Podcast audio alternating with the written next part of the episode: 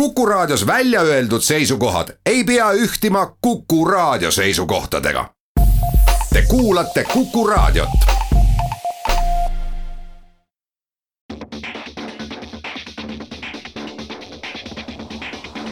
autotund. see on saade sulle, kui sul pole päris ükskõik, millise autoga sa sõidad. tere kuulajad, on jälle Autotunni aeg täna teeme saate natuke teistpidi, meil on ennem külaline ja siis teeme uudised.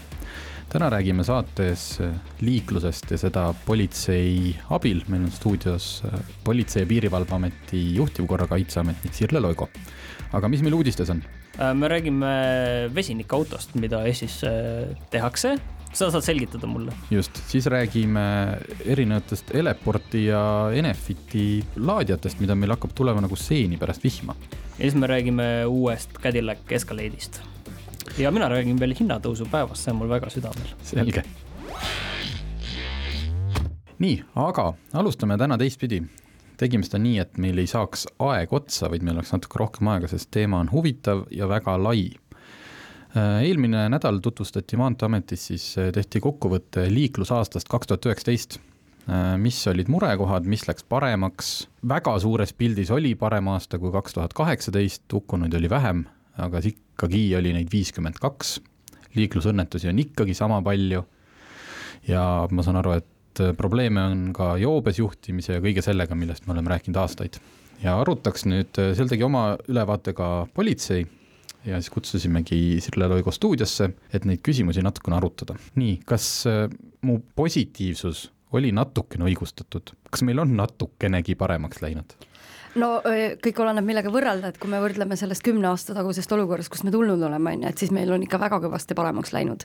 et äh, siis neid hukkunute arv olid ikkagi iga-aastaselt kolmekohaline ja see esimene number ei olnud üks.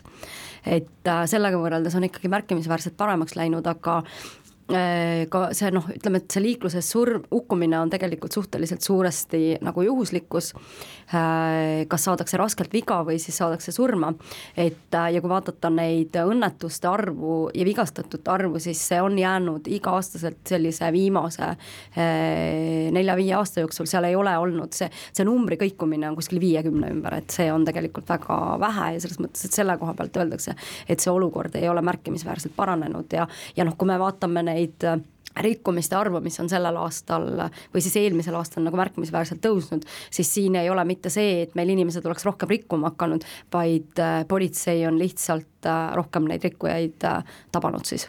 kui me vaatasime seal, ettekandel oli esimene slaid vist, rikkujad selline nagu meemiga, meemilikult tehtud, et mida inimesed arvavad, kes on keskmine rikkuja, seal oli sellist paar nokamütsiga Bemmi tüüpi ja teine pilt oli see, et kes tegelikult rikub oli pereisa, et äh, kas ma saan aru, et ongi, et tegelikult rikub äh, täiesti tavaline inimene kõige rohkem reegleid jah, noh, need rikkujad ei tule kuskilt teiselt planeedilt, et need on kõik siin tavalised inimesed meie enda keskelt, et väga sageli on küll äh, selline kuvand, et äh, kõige hullemad liikluses on need noored nokamütsiga ja BMW-ga seal külapoe juures, aga tegelikult, kui vaadata rikkuja profiili, siis rikkuja profiil on keskmiselt kolmekümne, neljakümne aastane äh, inimene, kaheksakümmend protsenti rikkujatest on mehed keskeriharidusega, Eesti kodanikud, et need on tegelikult täiesti tavalised inimesed.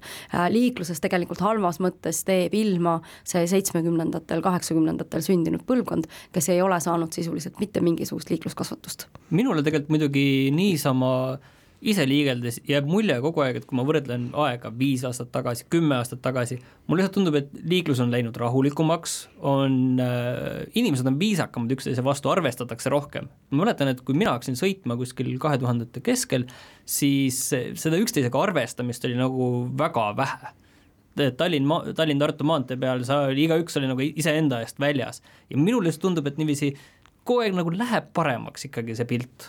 no ta ikkagi vähehaaval, niisugune tilk tilga haaval läheb paremaks, et kui, mida rohkem me sellest nagu räägime ja mida rohkem me seda nii-öelda noh, ükskõik kus siis, kas peolauas või, või kuskil Postimehe esiküljel või Delfis arutame, siis seda rohkem inimestele tegelikult ikkagi kinnistub see normaalne käitumine, et liikluses on, normaalne on olla viisakas, liiklus ei ole see kohtusaal, kus kellegi õigus peab nagu peale jääma. kas see see visuaal või et ma ütlen, kas raskete rikkumiste puhul on ka mingit üldistust võimalik teha, et äh, see riskigrupp, et noored, joobes sõitmine, väga suured kiiruseületamised. Kui me räägime joobesjuhtidest, siis joobesjuhtide äh, vanus on äh, ikkagi pigem keskealised et äh, eks see näitab seda tegelikult, äh, millises äh, nii-öelda vanusevahemikus, seal on ikkagi sellised kolmekümne kuni viiekümne aastased valdavalt inimesed, et eks see on ka see nii-öelda siis vanuserühm, kus inimesed kõige rohkem alkoholi tarvitavad ja sellega kõige rohkem nii-öelda on pahuksisse läinud mina iga hommik endal äh, uudiste feed'i sirvides näen ühte esimest uudist, mis on see, et palju politsei tabas äh, eelmise ööpäeva jooksul äh, joobes juhte ja ma alati üllatan, et see number on tavaliselt vähemalt kakskümmend, et mõnikord on natukene vähem, aga ja mõnikord on rohkem, et kuskohast need kakskümmend inimest tulevad? Kuskohast politsei nad üles leiab? no ikka liiklusest, et eelmine aasta politsei tegi tegelikult rekordarvu joobekontrolle. Äh, see number lähenes siis esmakordselt peaaegu miljoni inimeseni, keda kontrolliti üle üheksasaja tuhande ja, ja äh, sellest üheksasaja tuhande, seitse tuhat siis oli neid joobesjuhte, üle seitsme tuhande, keda siis tabati liiklusest nende kontrollide käigus ja kolmkümmend kaheksa protsenti tegelikult nendest tabati ainult nende äh, nii-öelda siis reidide käigus. valdava enamus joobesjuhte tabati tabatakse siis äh, tavajärelevalve käigus või siis tabatakse inimeste kõnede peale, et eelmisel aastal üle kümne tuhande korra inimesed andsid siis teada häirekeskusesse, et joobekahtlusega juhist kas see trend on kasvanud, et inimesed annavad ise teada, et äh, on selline, neil on selle kahtlus, et keegi on kuskil joobes peaga roolis? jaa, see trend on õnneks kasvanud ja kindlasti äh, ma olen ka seda meelt, et äh, see kogukondlik järelevalve on tegelikult see, kuhu suunda me peamegi liikuma.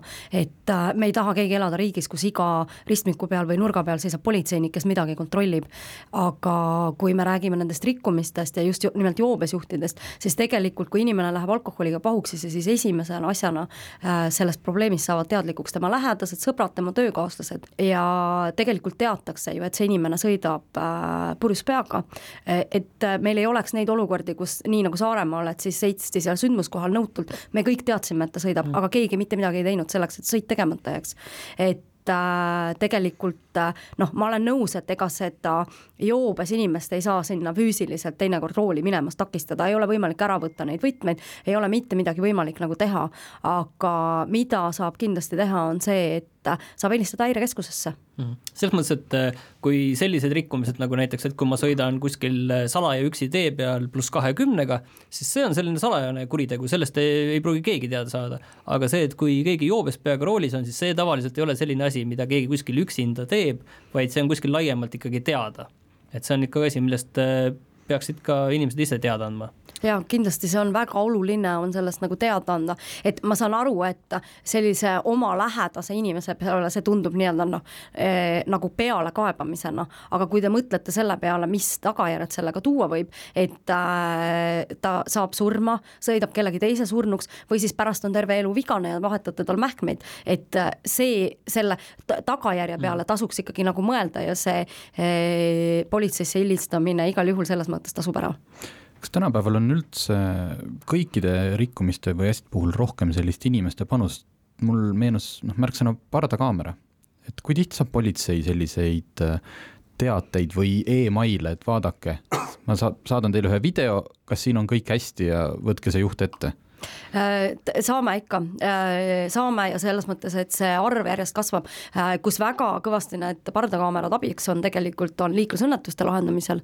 et see liiklusõnnetuste lahendamine on tänu pardakaameratele läinud ikkagi palju lihtsamaks, palju paremini tõendatavaks, aga ka selliseid, kus inimesed saadavad, et keegi tegi midagi ohtlikut ja need menetletakse ka lõpuni, et neid juhtumeid on iga-aastaselt järjest rohkem. muidugi selle pardakaameraga, mida ei ole võimalik tagantjärgi tõendada, on kiirus ja joove, et need asjad, mis nõuavad nii-öelda nagu äh, on mõõteseadusele allutavatud ja mis peavad olema mõõdetavad, et neid tagantjärgi äh, menetleda ei ole võimalik. teeme ühe väikse pausi ja siis jätkame.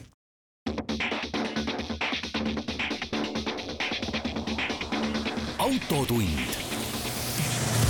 see on saade sulle, kui sul pole päris ükskõik, millise autoga sa sõidad.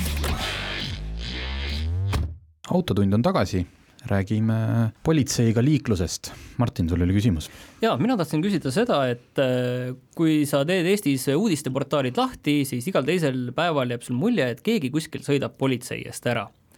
minul on tunne, et kogu aeg olnud, et äh, kuidagi liiga kergekäeliselt inimesed teevad seda, et kas nad ei mõtle tagajärgedele või milles seal see probleem on no õnneks on selline mm, mittepeatumine ikkagi või politsei peatumismärguande eiramine ei ole meie liikluses tavapärane. aga neid juhtumeid on ja selles mõttes, et noh, eks need mm, on sellised erakordsed juhtumid ja need jõuavadki rohkem sinna meediasse, et tegelikult see ei ole tavapärane. ja kindlasti see sõit ei tasu endast ära, et äh, mingitel hetkedel on muidugi see, et ka politsei hindab, kui see tagaajamine on liiga ohtlik, siis lastakse lihtsalt minna ja pärast otsitakse see juht üles, et äh, Äh, see, tegelikult meil selliseid juhtumeid, kus õnnestuks nii-öelda päriselt ära sõita sellel mingit tagajärgi ei ole, neid on ikkagi äärmiselt äh, vähe. enamasti tõendatakse kas viis tagantjärgi ära, kes seal sõitis, et äh, noh, vaadake ise, palju meil on igasuguseid kaameraid äh, igalt poolt, et meil ei ole võimalik enam siin niimoodi neid asju ajada, et keegi sind ei näeks ja keegi ei teaks. kas, et minul on, eks ju, kohustus teada juhul, kui ma olen oma auto andnud volitust enam ei pea olema, kuniks ma tean, kes sellega sõidab. kui minu autoga keegi kihutab eest ära, kas mind on võimalik karistada? et praegult tundub, et inimene sõidab eest ära, siis kuskil maakohas ta ei näe, noh, teda ei näegi politseil on number olemas, aga kas seda autoomanikku saab karistada? Äh, noh, ütleme, et seda autoomanikku selle, selle teo eest, mida keegi teine tegi, ei saa karistada okay., aga autoomanikul on kohustus teada, äh, kes tema autot karistas ja selles mõttes, et selle eest saab autoomanikku küll karistada ju. et äh, noh, see on täpselt nii, nagu selle ka nende kiiruskaamera trahvidega, et noh, seal on siis valiku küsimus, et kas ma maksan ise selle trahvi vaikselt ära või siis ma ütlen, kes seal päriselt sõidukiroolis oli mm. -hmm mina nädalavahetusel sõitsin palju ringi ja ühes kohas ma nägin ühte toredat mopeedautot, mis mina sõitsin viiekümne killusti linnas, siis see mopeedauto kiirendas palju vilkamalt edasi kui mina. Ja, ja ringteel suunatult ta ei näidanud ja kas mul on nagu tunne, et meil on nüüd liikluses sellised juhid, kes tegelikult võib-olla ei teagi, kuidas peaks liiklema liikluses, kui suur probleem see on või on lihtsalt need mopeedautod siiani selline väga marginaalne teema no äh, õnneks äh, mopeedautod ikkagi väga suur probleem ei ole, aga nad on järjest kasvab, ta on kindlasti kasvav probleem, et selles mõttes neid tuleb, neid tuleb meie liiklusesse järjest rohkem. Äh, senikaua, kuni ta on selline kallis sõiduvahend, senikaua neid ei ole siin väga palju, aga kindlasti on neid tekkinud järjest rohkem, võrreldes näiteks viie aasta tagusega. mis nende mopeedautodega on, kindlasti on see, et need inimesed, kes on nooremad, nendel tegelikult selle mopeedautol on, kuna ta läheb sinna mopeedi regulatsiooni alla, siis seal liiklusseaduses on selline asi, et kui sa oled nagu mm, äh, ennem teatud aastaid sündinud, siis on sul kohustus, äh, et sul peavad olema selles mõttes, sul peab vähemalt olema mopeedi juhtimise õigus. et täna kaheksateistaastane noor ei või istuda mopeedi, mopeedauto rooli ja üldse mopeediga sõita, ilma et tal oleks siis mingid ju, liiklusalased teadmised. aga vanemad, sellised kolmekümneaastased, nendel ei ole selles mõttes seda nõuet, sest et nendele see, kui mopeedid nii-öelda tulid ja tulid see nende registreerimiskohustus, siis äh, ei tahetud äh, seadusandja poolt nende vanemate inimeste olukorda kerge, raskendada mm, -hmm. kes siis käisid äh, noh, oma mopeediga mhm. seal, oma punnvõriga käisid mm -hmm. poes, on ju. aga keegi ei mõelnud selle peale, et meil on ühel päeval mopeedautod, on ju, ja tegelikult täna ka need inimesed, kellel on juhtimisõigus karistusena ära võetud, kui see on ikkagi pikaajaline, soetavad endale mopeedauto ja osalevad ikkagi liikluses, et see kindlasti ei olnud seadusandja eesmärk, eesmärk. Ja ma olen enam kui kindel, et äh, lähimate aastate jooksul, äh, kui mitte see aasta, saab see ikkagi liiklusseaduses ära muudetud, see on aja küsimus, kui äh, neljarattalisele mopeedile tuleb teistsugune regulatsioon, kui seda on täna mm.. ma just tahtsin, mul järgmine küsimus kohe oli, et kas see on linnalegend, et et need, kellel on juhtimisõigus ära võetud, sõidavad nüüd mopeedautodega, aga ma sain vist juba kinnituse, et seda, seda tehakse. jaa, seda tehakse. see kõlab ainult loogilisena no ma ei tea, sinule võib-olla see on oma rikutuse tasemel. aga ma tahtsin tegelikult küsida ühte teist asja, et meil on veel äh, sellised äh, lumevaesed talved siin viimasel ajal olnud, et äh, meie, kes me oleme natuke vanemad ja oleme üles kasvanud ka nende talvedega, kus oli palju lund ja me oleme harjunud nendega sõitma praegu tulevad peale palju uusi juhte, kes võib-olla ei olegi sellist korralikku talve näinud ja siis, kui see ükskord talv tuleb, siis on see kõik väga ootamatu. et kas on ka mingit sellist trendi näha, et, et nooremad juhid ei saa lumega hakkama? Noh, eks see esimene lumi tuleb igal aastal absoluutselt mm. kõikidele ootamatult ja toob siia liiklusesse ikkagi täiesti totaalse mm. kaose kaasa. sõltumata sellest, millises vanuses mm. need juhid seal roolis on. aga no eks see on keeruline küsimus, et seda on täna nagu selline mm. ennustamise küsimus, et äh, tegelikult selle äh, rasketes ilmastikus ja libedusega hakkama saamine ei sõltu mitte niivõrd oskustest, vaid eelkõige inimeste äh, liiklusharjumustest, tema suhtumisest liiklusesse, et kui ma sõidan ikkagi selle libeda ilmaga alalhoidlikult äh, selliste oskuste juures, et ma teadvustan, millised oskused mul on, sõidan alalhoidlikult, siis ma ilmselt ei põhjusta mingit äh, mm. kaost ja liiklusõnnetust seal. aga kui ma hindan selle libedaga oma võimeid üle ja hakkama ei saa, noh siis ma olen ohtlik endale ja teistele selle libeda teega. aga kas, äh, kui me vaatame nüüd seda jaanuari või eelmise aasta lõppu, et kas on noh, jätame hukkunud kõrvale, see on kahjuks praegult läinud juba kreeni, kas on õnnetusi vähem? Sest äh, teie olud on pidevalt tegelikult väga head. no kui me võrdleme selle aasta jaanuari, siis selle aasta jaanuar on ikka, no ongi kreenis jah. et äh, kuigi hukkunuid on üks rohkem, aga, aga õnnetusi äh, ja viga saanuid, no tegelikult need numbrid on suhteliselt võrdsed äh, mm. -hmm. et äh, see jaanuar on iga aasta äh, liikluses selline kuu, kus on palju õnnetusi, keskmist tavapäraselt rohkem, võrreldes muude talvekuudega. Äh, noh, ütleme, et varasematel aastatel on ka tavaliselt olnud see, et jaanuaris tuleb maha see lumi, inimesed ei oska selle lumega sõita, ennem kui nad kohanevad, siis juhtub palju igasuguseid pahuasju ja veebruariks siis kuidagi see kõik nii-öelda rahuneb maha, et näiteks eelmise aasta jaan-, veebruaris oli ainult üks hukkunuga liiklusõnnetus ja üldse oli õnnetusi tegelikult vähem, et inimesed nagu siis kuidagi harjuvad ära selle talviste ilmaoludega, aga äh, sellel aastal kuna lund ei ole, siis jalakäijad on kindlasti väga suureks äh, probleemiks liikluses.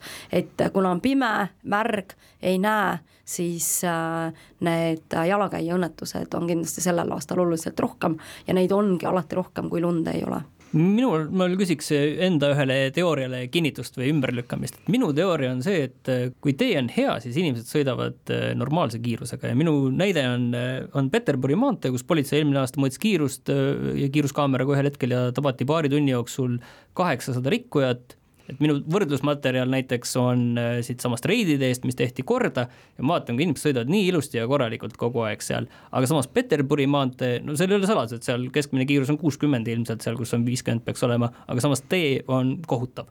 kas siin on mingit seost või ei ole või ma mõtlen selle ise välja?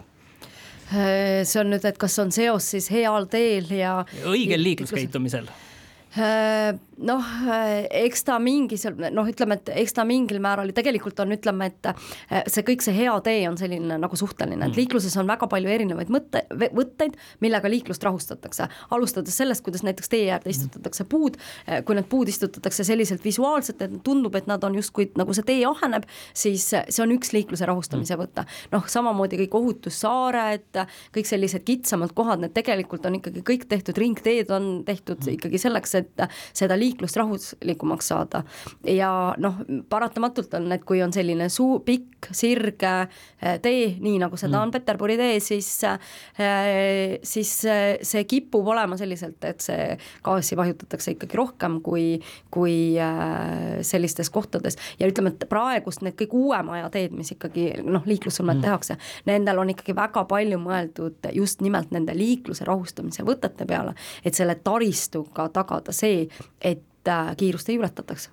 Ühesõnaga, et Peterburi tee oleks ikkagi vaja korda teha, aga lihtsalt tänapäevaste ütleme äh, võtetega, et mitte, et ta ei oleks selline lennuk, lennuki maandumisrada, vaid ta oleks selline, et natukene mängitakse. jah, Reidi tee näeb välja nagu linnatänav jah, äh, ja linnatänaval aga Peterburi tee näeb välja nagu maantee ja, ja sealt, sealt, sealt see tulebki. sealt see erinevus tuleb, et äh, kui me räägime ikkagi nagu linnast ja, ja linnaruumist, siis äh, peaks neid äh, nii-öelda uusi lahendusi tegema kõik selliselt, et need tagaksid ka selle, et sellest piirkiirusest peetaks kinni. juba see taristu loob need eeltingimused. see teeme, väga loogiliselt. teeme väikse pausi ja siis räägime veel natuke kiirusest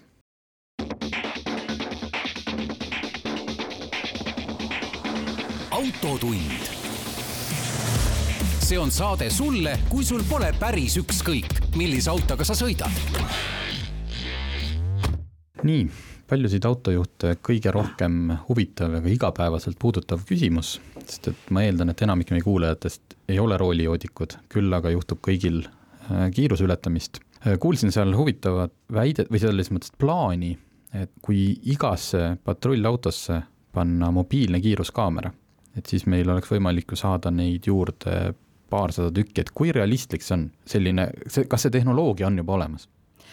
noh, sisuliselt ütleme, et äh, tänapäeval on ikkagi olemas juba sellist tehnoloogiat, näiteks Leedus on ka olemas selline politseiauto, mis mõõdab siis automaatselt kiirust iseseisvalt ja edastab need trahviteated automaatselt. sest et praegult on ju ka politseiautodes kaamerad, nad noh, näevad kogu aeg, kui keegi rikub, aga siis nad peaksid ta kinni pidama, kas siis hakkama järgi sõitma, aga sellisel juhul teatud piirini teeks automaatselt, saadaks trahvi ja politsei võiks rahulikult edasi sõita, ta ei peaks jah, see ongi selles mõttes okay. see mõte, et, et äh, politseisõidukis oleks siis äh, nõndanimetatud noh, nimetame teda siis mobiilseks kiiruskaameraks, selline, mis iseseisvalt mõõdab ja automaatselt edastab need trahviteated, kui see rikkumine on juba selline, mis nõuaks, on suurem, olulisem, ohtlikum, siis, äh, siis kindlasti ei hakata seda trahvi saatma automaatselt, vaid politsei peab mm -hmm. ikkagi koheselt kinni ja, ja tagab siis selle, et see juht enam sellisel viisil liikluses osaleb osalemist ei jätkaks? no ma arvan, et sellise kasvatusliku meetmena on kindlasti palju parem, kui äh, ikkagi inimesed peavad, räägivad sinuga juttu vahepeal natukene ja, ja si-, kui see, et sa saad endale meiliboksi ühe teate, et ma arvan, et see jutu rääkimine mõjub kindlasti paremini. aga millal see võiks teoks saada? noh, eks see kõik hakkab ikkagi selles mõttes rahast sõltuma, et äh, idee on olemas iseenesest ja, ja kindlasti ka need vahendid ja noh, mis on kõige olulisem, on ikkagi see, äh, see noh, kui me ka, kui see ka seade nagu leitakse, siis äh, ja, ja nii-öelda raha eelkõige leitakse, siis ähm, meie selline andmebaaside äh, ümberkohandamine on selline kõige ilmselt pikaajalisem protsess ja kõige Aga... rahamahukam ka aga miks ta keeruline on, sest et on olemas ju statsionaarsed kaamerad, on olemas juba mobiilsed kaamerad, et lihtsalt panna sinna auto armatuur laua peale ja kõik no see päris nii lihtne ei ole, et see, see mobiilne kiiruskaamera, kui sa olete näinud, et see on ikka päris nii suur, et seda sinna mm. autosse ei pane, et see eeldab natukene teist tehnoloogiat, aga see tehnoloogia ei olegi tegelikult selle juures kõige ei, keerulisem. mõtlengi, et kui et, et äh, keerulisem on, äh, keerulisem kindlasti on see nii-öelda nagu tarkvaraarendus, see, et, äh, et ta sobiks siia meie nende kaameratega, meie nii-öelda kiirusmõõteseadmetega kokku ja et ta edastaks siis meie sinna menetluskeskusesse neid ähm, trahviteateid, et need on kõige keerulisemad keerulisemad asjad, aga noh, need ei ole ka selles mõttes, tegelikult see ei ole mitte midagi keerulist, ehm, hea raha eest on võimalik kõik mm, ma saan aru, et see või, võimaldaks väga kordades suurendada liiklusjärelevalvet ju.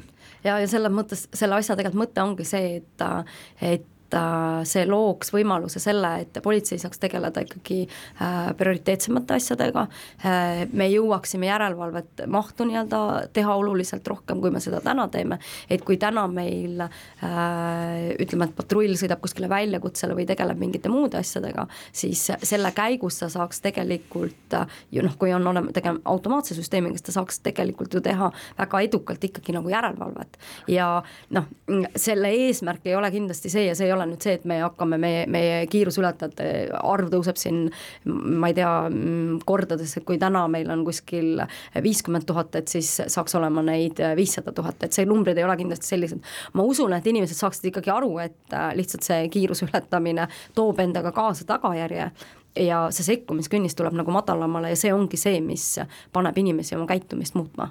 nii palju, kui mul on nagu mulje jäänud, siis äh, juba tegelikult need mobiilsed kiiruskaamerad on, on ikkagi pannud enda inimeste käitumist muutma, et see, kui ma olen inimestega rääkinud, siis on ikka, et ei tea, seal ükskord oli see, see kolmjalg, et ei tea, et sõidaks korralikult. et selles mõttes, et see on nagu toiminud juba, seda on nagu näha juba, et need mobiilsed kiiruskaamerad. ja mobiilne kiiruskaamera on kindlasti, et äh, me ikka alati täheldame seda, et ega oluline ei olegi see kaamera välja panna ja tööle panna, et nii nagu viiakse see välja, see hoiatusmärk, äh, nii see mõjub kohe märkimisväärselt kiirusele võtaks korraks veel ühe teema, mida siin on arutatud, võib-olla ma ei, siin ei olegi võib-olla politsei ametlik seisukoht, aga see kaheksakümne kilomeetri piirkiirus, et ma tean, paljudes Põhjamaades on kui ma vaatan statistikat, siis Norras ja Rootsis on äh, hukkunute arv ühe miljoni kohta tunduvalt väiksem kui Soomes ja Eestis. aga minu teada on ka Soomes kaheksakümne märke hästi palju, et kas see, kas see meil, kas see päästaks midagi äh,? kas no, see on mõistlik? Ma kindlasti politseiametnikuna ei saa mitte midagi muud öelda, et no., et äh, mitte sellepärast, et ma oleksin kuidagi ka äh, ise teistsugusel seisukohal äh,, liiklusõnnetused juhtuvad äh, väga mitmete asjaolude kokkulangemisel, aga mis kõige määravam on see, on kiirus. kiirusest sõltub see, kas inimesed saavad surma või hukkuvad ja mida madalam on kiirus, seda väiksemad on nende õnnetuste tagajärjed. et et äh, noh, Norra on maailmas riik number üks hukkunutelt, noh muidugi on siin see küsimus, et kui me võtame, üks asi on nagu hukkunud, Norras on meditsiin on väga heal äh, järjel, äh, muidugi kui me vaatame, millised on nende teed, ega Norras sisuliselt ju kiirteid ei ole, seal on teed väga mägised, talvel, kui võrrelda meie teedega, siis teed on ikka oluliselt libedamad, oluliselt halvemini hooldatud ja inimesed sõidavad ikkagi äh, oluliselt ohutumalt. mina olen Norras sõitnud, Norras on väga väga hoolikalt hoitakse kiirust, seal on hästi paljudel teedel on muidugi ka need äh, vahepiirded, äh, ka ühe, kui on üks pluss üks tee, siis seal vahel on piire, aga kui ei ole, siis norrakas on väga viisakas liikleja. jah et äh, eks see kindlasti on see, et äh, noh, äh, Norra ja Rootsi on noh, kõik see liikluskultuur on nagu teistsugune, see piirkiirusest peetakse ka kinni ja selliseid ohtlikuid ja arutuid liiklejaid ikkagi äh, ilmselt on noh, mitte ilmselt, vaid ongi oluliselt vähem, kui seda meil on. noh, eks soomlane on ka ikkagi liikluses oluliselt kuulekam, kui seda on äh, eestlane et aga mina usun küll sellesse, et see kaheksakümmend, aga see ei tähenda nüüd, see, see kaheksakümmend ei ole nüüd selline, mille pärast peaksid inimesed hirmsmoodi endale stressi tekitama, et oi, nüüd ei saa üldse enam sõita. see puudutab ikkagi äh, väl-, enamasti mitte nagu põhimaanteid, vaid see puudutab kõrvalmaanteid, meil on täna tegelikult kruusateed, kus on lubatud üheksakümmend kilomeetrit tunnis, seal ei sõida mitte keegi üheksakümmend kilomeetrit tunnis, sest see tee profiil ei võimaldagi sellist kiirust üldse. et äh, ja, ja seal Maanteeameti mõõtmised näitavad, et tegelikult sõidetakse oluliselt väiksemate kiirustega. et see ei ole isegi kaheksakümmend, millega sealt sõidetakse, aga lubatud on üheksakümmend. ma tean ise väga hästi neid Lõuna-Eesti kruusateid, kus on kuuekümnega sõidad, siis on veel, veel nagu napilt okei okay.. nii, mis meil veel pakilisi teemasid siin on olnud? mul on üks märksõna veel, mis äh, kohe varsti taas tuleb päevakorda elektritõuksid, kas noh, mina olen selle, mulle väga need meeldivad, ma sõidan nendega väga palju, ma sõidan ka muidugi viisakalt, aga kui palju nendega oli tegelikult päriselt probleeme ja õnnetusi? Või lihtsalt on see foon üleval sellepärast, et oodatakse, millal esimene raske asi juhtub? No päriselt kokku eelmisel aastal kaheksa sellist õnnetust, mida saab kvalifitseerida liiklusõnnetuseks. Äh, ütleme, et need õnnetused, kõik, kui inimene ise selle tõuksiga äh, kukkus, äh, murdis midagi ära või, või sõitis ennast katki, siis need ei ole liiklusõnnetused. aga noh, ütleme, et need siis on sellised, kus said kokku siis äh, kas jalgrattur äh, või siis tõukeratas ja auto. et äh, noh, kindlasti need elektritõukerattad tekitasid liikluses palju segadust, kuna ei olnud ähm, selge, kus, kuidas ja mismoodi nendega sõideta, miskipärast läks kaotsi kuidagi meil see terve mõistuse printsiip selle juures, et äh, tegelikult tänases liiklusseaduses on ka ju kirjas, et sõita tuleb niimoodi, et sa ei kujuta ohtu endale ja teistele liiklejatele. Nagu ja see peaks selle elektritõukerattaga väga selgelt sõites meeles olema, iga vahendiga, igal liiklejal peaks see meeles olema. Ja noh mm,, äh, ma tegelikult arvan, et selle elektritõukerattaga noh, seal noh, väga suur diskussioon on, et kas peaks olema kõnniteel või sõiduteel, et tegelikult seal kõnniteel on sellega jumala mõistlik nagu sõita. ei, absoluutselt, sest kui sa saadad praegult need renditõukerattad sõiduteele, sest inimesel ei ole ju kiivrit kaasas see on täiesti, ma ei kujuta ette, et see toimida saaks. Noh, mina olen ka seda meelt, et see ei saa seal toimida, et äh, ütleme, et meie, äh, kui me vaatame ikkagi meie Eesti linnasid, siis meie Eesti linnad, äh, see taristu ei ole selline, kus oleks mõeldud, meil ei ole selliseid jalakäijate ja jalgratturite neid alasid, et eks selle, meie kõige suurem probleem ongi tegelikult see, et meil see taristu nende kergliiklejate jaoks ei ole tegelikult välja arendatud ja ei ole raha selleks, see tuleb küll aeg aegapidi järgi, aga see ei tule nii kiiresti järgi, kui tuleb äh, tehnika ja, ja kõik see liiklus, et kui me võrdleme, palju jalgratastega täna sõidetakse, mõelge seda, kui palju sõideti kümme aastat tagasi, väga vähe. Vot, kahjuks meil sai saateaeg selle rubriigi jaoks otsa, aga kui meil tekib põletavaid küsimusi, me kutsume jälle kohale. teeme väikse pausi.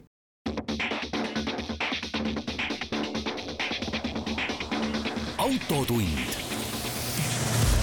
see on saade sulle, kui sul pole päris ükskõik, millise autoga sa sõidad. autotund on tagasi ja teeme siis oma traditsioonilise saate alguse hoopis saate lõpus. Mm, Tarmo ei ütle oma eelneva nädala kohta midagi, sellepärast et politseiga oli jutt nii põnev ja aeg läks sinna ära. aga Martini hinnatõusupäevast ma tahaks küll kuulda. jaa, viimasel nädalal on väga palju räägitud siis äh, bensiini hinnatõusupäevast ja sii- ja, ja nüüd on juba ka äh, kütusemüüjad ise selle sõna kasutusele võtnud ja põrgatavad siin seda, et mis päev see hinnatõusupäev nüüd võiks olla, kas see on siis äh, esmaspäev, nagu traditsiooniliselt oli, või nüüd on see tulnud reedeks, on ju kas see on see päev, kus hakkab tõusma või see on see, kus on tipp?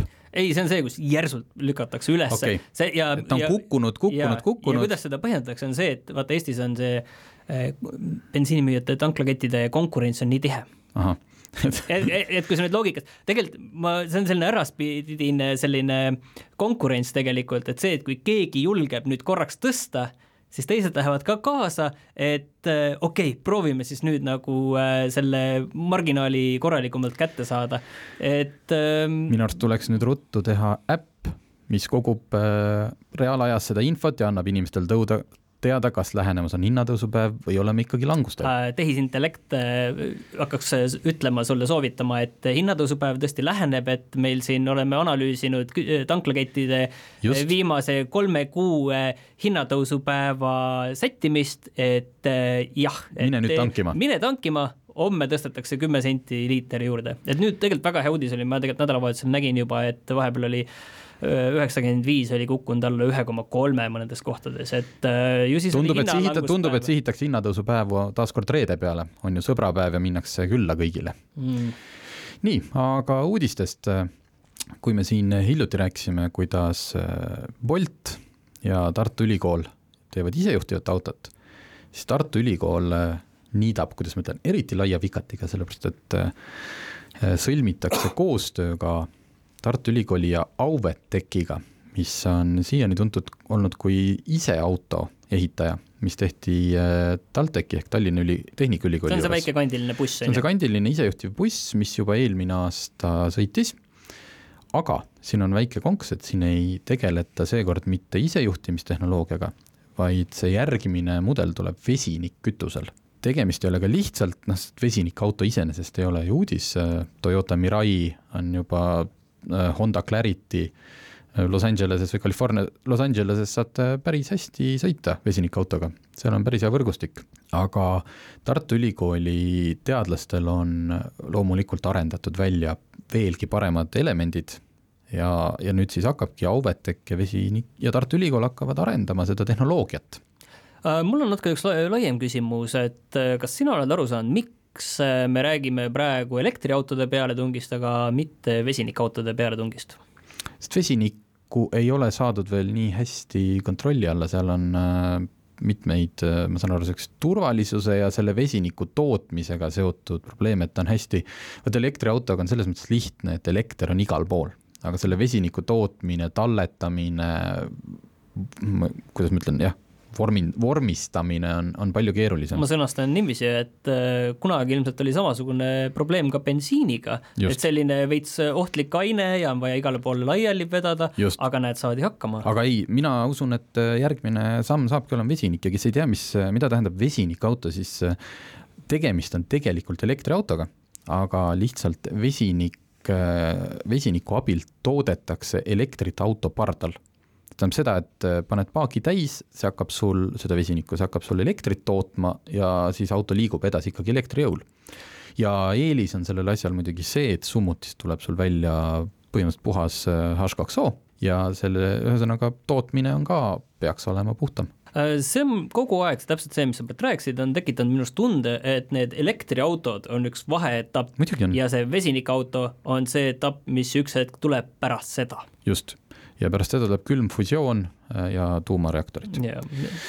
nii, aga äh, jätkame siis korra, kui me selle elektriauto peale teemale läksime. nüüd tuleb üks väga keeruline teema, kus tuleb väga palju uusi ja keerulisi nimesid. ja hästi sarnaseid nimesid. ja, ja, ja proovi mulle nüüd see lahti selgitada, et mis asjad on Eleport, mis asjad on Enefit Volt, kas nad olid ka varem olemas ja nad Jaa. mingi uus asi, mingi vana asi uue nimega või kes see või mis see täna, kui see saadet kuulate Kuku raadiost üksteist veebruar, siis avab oma nime ja, ja laadijaid Enefit Volt. Enefit Volt on see, mis oli vanasti Elmo laadimisvõrgustik, see suur võrgus, võrgustik üle Eesti, need Just. vanad aeglased laadijad. just, mis äh, said hankega Elektrilevile.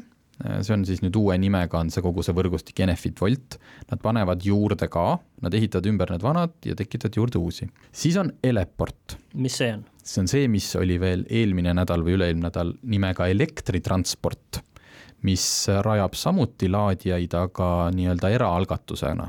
ta Neil pakub neid, laadimis, Neil on neid vähem, on ju. neil on vähem, aga nad äh, on ärimudel on noh, et näiteks Tallinn T1 kaubanduskeskuses on nende paigaldatud ja nad äh, paigaldavadki erinevatesse kohtadesse, kus äh, näiteks see kinnisvaraomanik soovib.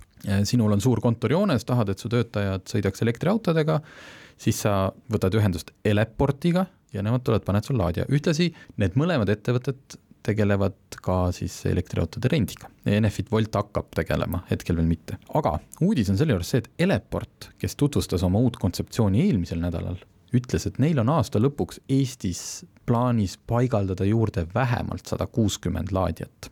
sada kuuskümmend juurde olemasolevatele. jaa, olemasolevad on nende kõlab nagu väga-väga meeletu elektrirevolutsioon. Si- eh, siin tuleb natukene silmas pidada, et mitte laadimispunkti, vaid laadijat, see tähendab seda, et kui nad teevad kuskile ühe suurema, kus on näiteks kümme laadijat, noh, et see on üks Mhm. parkla, aga seal on kümme laadijat, aga see on ikkagi päris suur ja ka Enefit Volt paigaldab neid muudkui juurde, nii et mine tea, võib-olla varsti ongi juba võimalik äh, inimestel üle saada sellest murest, et mul pole kuskil võib-olla varsti on juba põhjust elektriautot osta, jah. Just, nii, nii kaua enne, kui vesinikautot just. ei osta. aga kõige selle juures on äh, märkimisväärne see, et et jätkuvalt on segane see, et kui Elektrilevi äh, ostis ära siis selle Elmo, sest see oli riigihange, siis selgus, et ühe Euroopa Liidu direktiivi järgi nad tegelikult ei tohiks, nad on võrguettevõte, jaotusettevõte, nad ei tohiks omada sellist avalikku laadimisvõrku mm. -hmm. vertikaalne integratsioon, mis on popp sõna praegu. just, ja ministeerium, majandusministeerium on samal arvamusel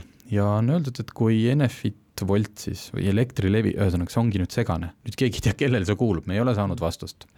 kuidas see juriidiliselt ära lahendatakse, sellepärast et kui ikkagi Elektrilevi jätkab äh, elektriautode laadimisvõrgustikuga ükskõik mis nime all, siis äh, on seal oodata viiekümne tuhande eurost trahvi.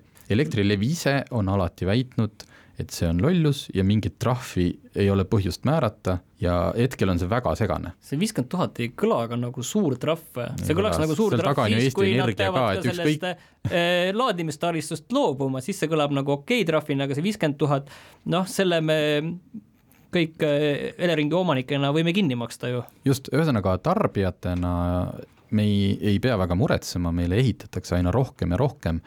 muretsema peavad nüüd need inimesed seal kontorites, et kuidas nad äh, sellest jamast välja rabelevad, eks me anname teada.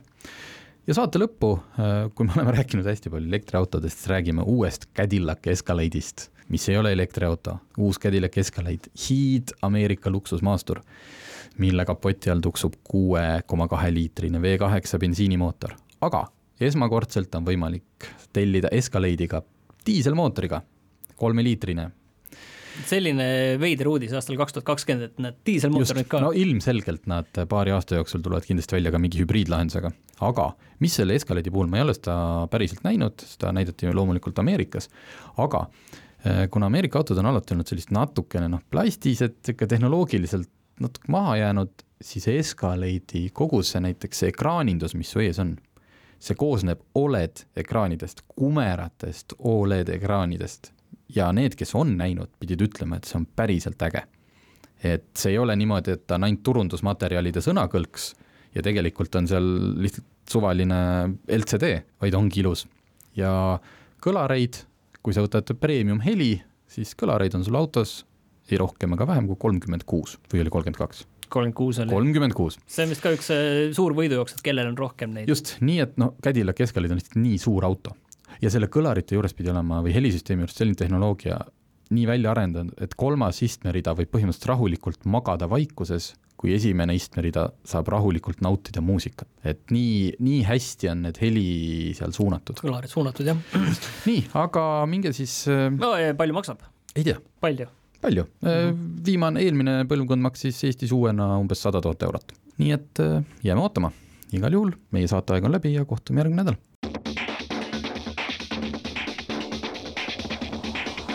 autotund.